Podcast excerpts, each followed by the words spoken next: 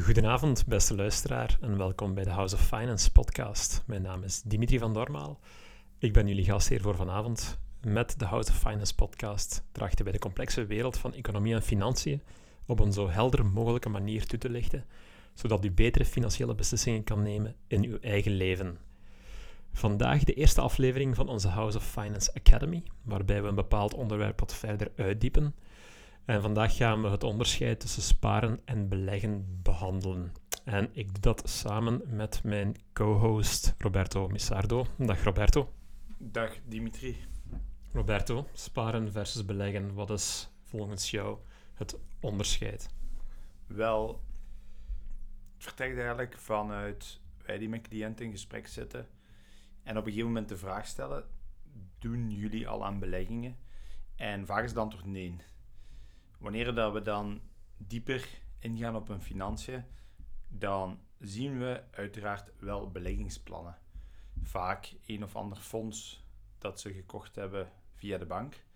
En uh, wanneer dat we dan aan het licht houden van kijk, beste cliënt, je doet wel aan beleggingen, dan zijn ze meestal verbaasd. Dus ik vind het wel belangrijk dat het onderscheid goed gemaakt wordt. En basically komt het neer op sparen is volgens onze termen, om het simpel te houden, alles wat te maken heeft met een vast rente in het verhaal. Denk aan een spaarboekje, een kindersparen met een vaste rente. Um, wanneer dat je bij een grootbank gaat opzoeken, komt je wel eens de pamperrekening tegen. Dat zijn allemaal van die soorten spaarrekeningen waarvan dat we zeggen, goh, dat valt voor ons onder sparen. Ja.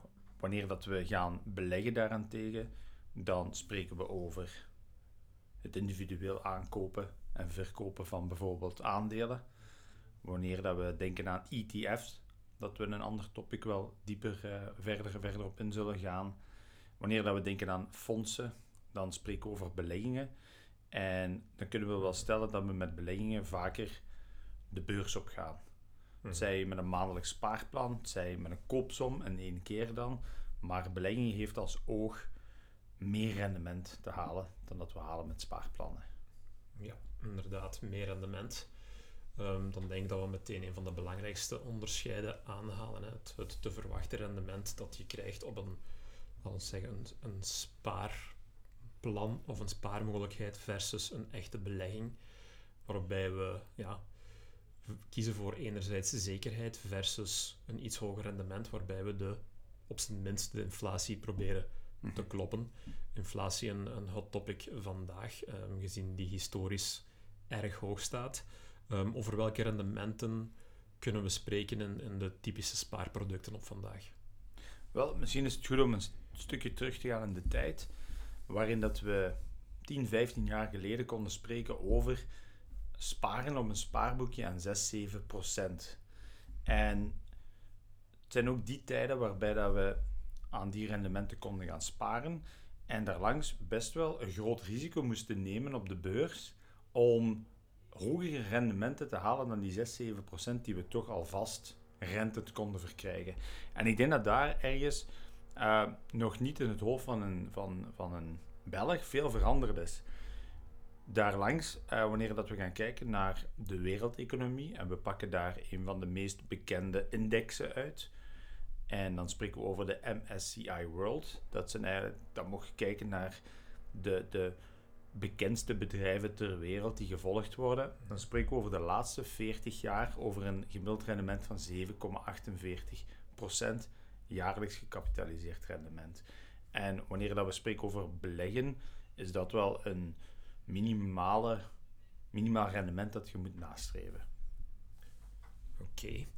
Dus je zegt dat uh, de rente op, of de, laten we zeggen, de rendementen op de vaste rententeproducten, de spaarproducten zoals we die zo net gedefinieerd hebben, dat is op dit moment geen 6, 7 procent. Hè? Nee, in tegendeel. Um, die staan vandaag rond de 0,1, 0,2. En dan noemen ze iets als getrouwheidspremie, wat dan misschien het rendement naar uh, eh, 0,5 kan brengen. Als we dan spreken over tak 21 of meer lange termijn vormen van spaarrekeningen, dan kun je rekenen op een 1,5 à 2 procent en dan stopt het ook wel echt. Oké. Dus als ik dat eventjes goed samenvat, ehm, in de categorie sparen zitten producten met een vaste rendement, maar op dit moment een zeer laag rendement. Het risico is wel veel lager op dat type producten. Terwijl we, wanneer we in de beleggingscategorie gaan kijken, dan zitten we met instrumenten waar we een iets hogere risicoappetijt voor nodig hebben, maar die dan ook bijkomend een hoger rendement kunnen realiseren, zeker op de langere termijn. Ja, klopt. Um, tenzij dat we de context van risico anders gaan bekijken.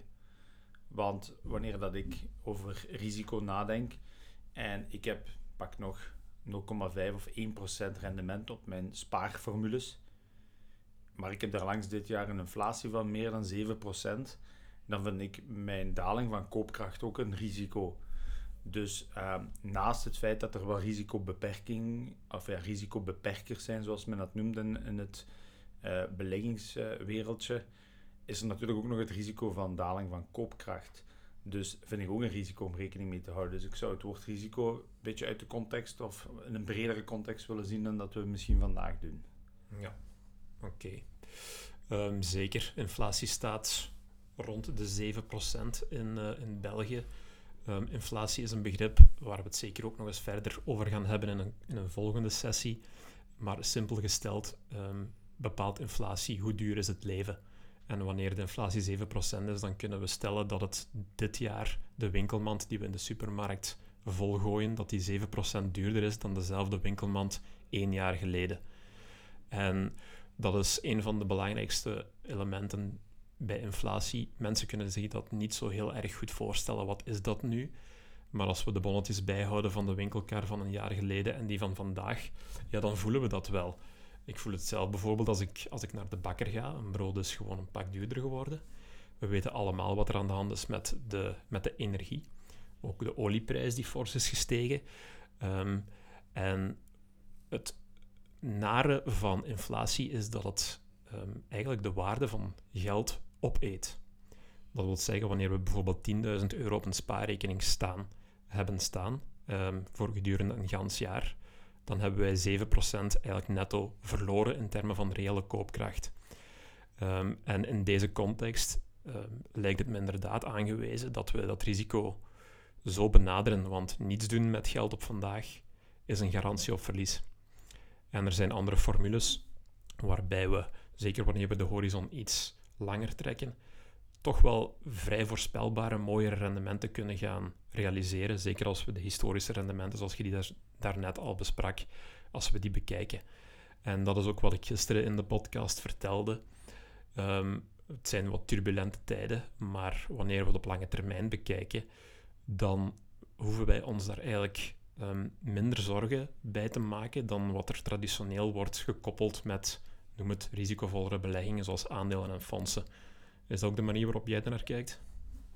Wel, um, het probleem volgens mij met mensen die niet bezig zijn met beleggingen en wel de mogelijkheden hebben, en ik zal dadelijk ook terugkomen wanneer heeft nu iemand uh, de mogelijkheid en wanneer niet, is dat het, um, het triggert weinig van de instant gratification dat een mens heeft. We willen heel snel beloond worden voor een bepaalde actie dat wij ondernemen.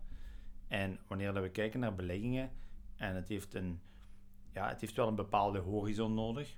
Bijvoorbeeld beleggingen doen voor, laten we stellen, twee, drie jaar heeft, heeft niet genoeg horizon om risico, dan toch echt het risico op verlies te gaan beperken. En nu iets doen waar dat we het profijt van hebben over tien jaar, wanneer dat we die zaken op die manier nog nooit bekeken hebben, ja, dat, dat is niet zo plezant als bijvoorbeeld iemand die op zijn 21ste voor een nieuw paar schoenen kan gaan. En dat is al een belangrijke om op een andere manier naar, naar geld te gaan kijken en te gaan zien wat, wat is die inspanning van vandaag waard over tien jaar. Ergens wat dat Einstein ook het achtste wereldwonder noemde, uh, compounded interest, uh, gecapitaliseerde interest, komen we dadelijk nog wel op terug. Um, dus ja, lang genoeg uw horizon stellen, weten wat uw beoogd rendement is. En ja, er zullen goede jaren tussen zitten en minder goede jaren. Wanneer dat we terug gaan kijken over de laatste tien jaar, waren het fantastische jaren. En een minder ervaren belegger zal van 1 januari tot op vandaag, hè, 1 februari, naar de rendementen kijken, year to date zoals men dat noemt, hè, van 1 januari tot vandaag. En denken van oei, wat is er aan de hand op de beurs? En het is inderdaad turbulent, maar zullen heel snel vergeten dat het de laatste 10 jaar wel topjaren zijn geweest. Ehm, en zullen dan misschien, als ik kijk naar mijn beleggingsportefeuille, die 40% gegroeid is over de laatste twee jaar, wel dat geld dat staat er en dat ziet je nu dan voor 10% afnemen. En dan voelt het aan, ook voor mij, alsof ik iets verloren heb. Maar ik ben precies vergeten, heel even, dat ik ook tien jaar lang gewonnen heb. En dat is een bepaald spel, mentaal spel, dat je wel moet leren spelen. Ja, oké. Ehm, slotvraag, Roberto. Ehm, is sparen dan volledig slecht? Of is het wel zinvol om een bepaald bedrag aan de kant te hebben? Dat is een, dat is een hele goede vraag. Want wanneer dat wij met cliënteel die, dat hoofdstuk gaan behandelen, dan is onze regel altijd: kijk, ehm, wanneer dat je drie tot zes keer je netto maandloon per gezinshoofd, of ja, per uh, gezin, man, vrouw samen, drie tot zes keer je netto maandloon aan de kant hebt staan, dan is dat meer als voldoende voor onvoorziene omstandigheden in te dekken. Heb je daar langs toekomstplannen waarvoor dat je een investering nodig hebt, een nieuw, nieuwe woning, een nieuwe auto, hoewel dat we die dan beter op krediet afsluiten en gaan beleggen met onze cash en met onze middelen die we al hebben. Maar stel dat er bepaalde investeringen zijn die in de toekomst 1, 2, 3 jaar van vandaag moeten gaan gebeuren, dan is het goed om daar iets meer voor aan de kant te houden. Als dat niet het geval is en je hebt die basisbehoeftes en, je woning en dergelijke al ingevuld, dan is 3 tot 6 keer het netto maandloon, 6 keer absolute maximum, meer als voldoende en kunt je met het overschot gaan beleggen. Kunt je, zou je met het overschot moeten beleggen. Oké, prima. Wij gaan de onderwerpen die we in, dit, uh, in deze podcast hebben aangeraakt, zeker nog verder uitdiepen in komende episodes van onze House of Finance Academy. Als jullie vragen hebben, geef ons zeker een seintje in de commentaar op de podcast. En wij zien jullie heel graag heel snel terug. Fijne avond. Fijne avond.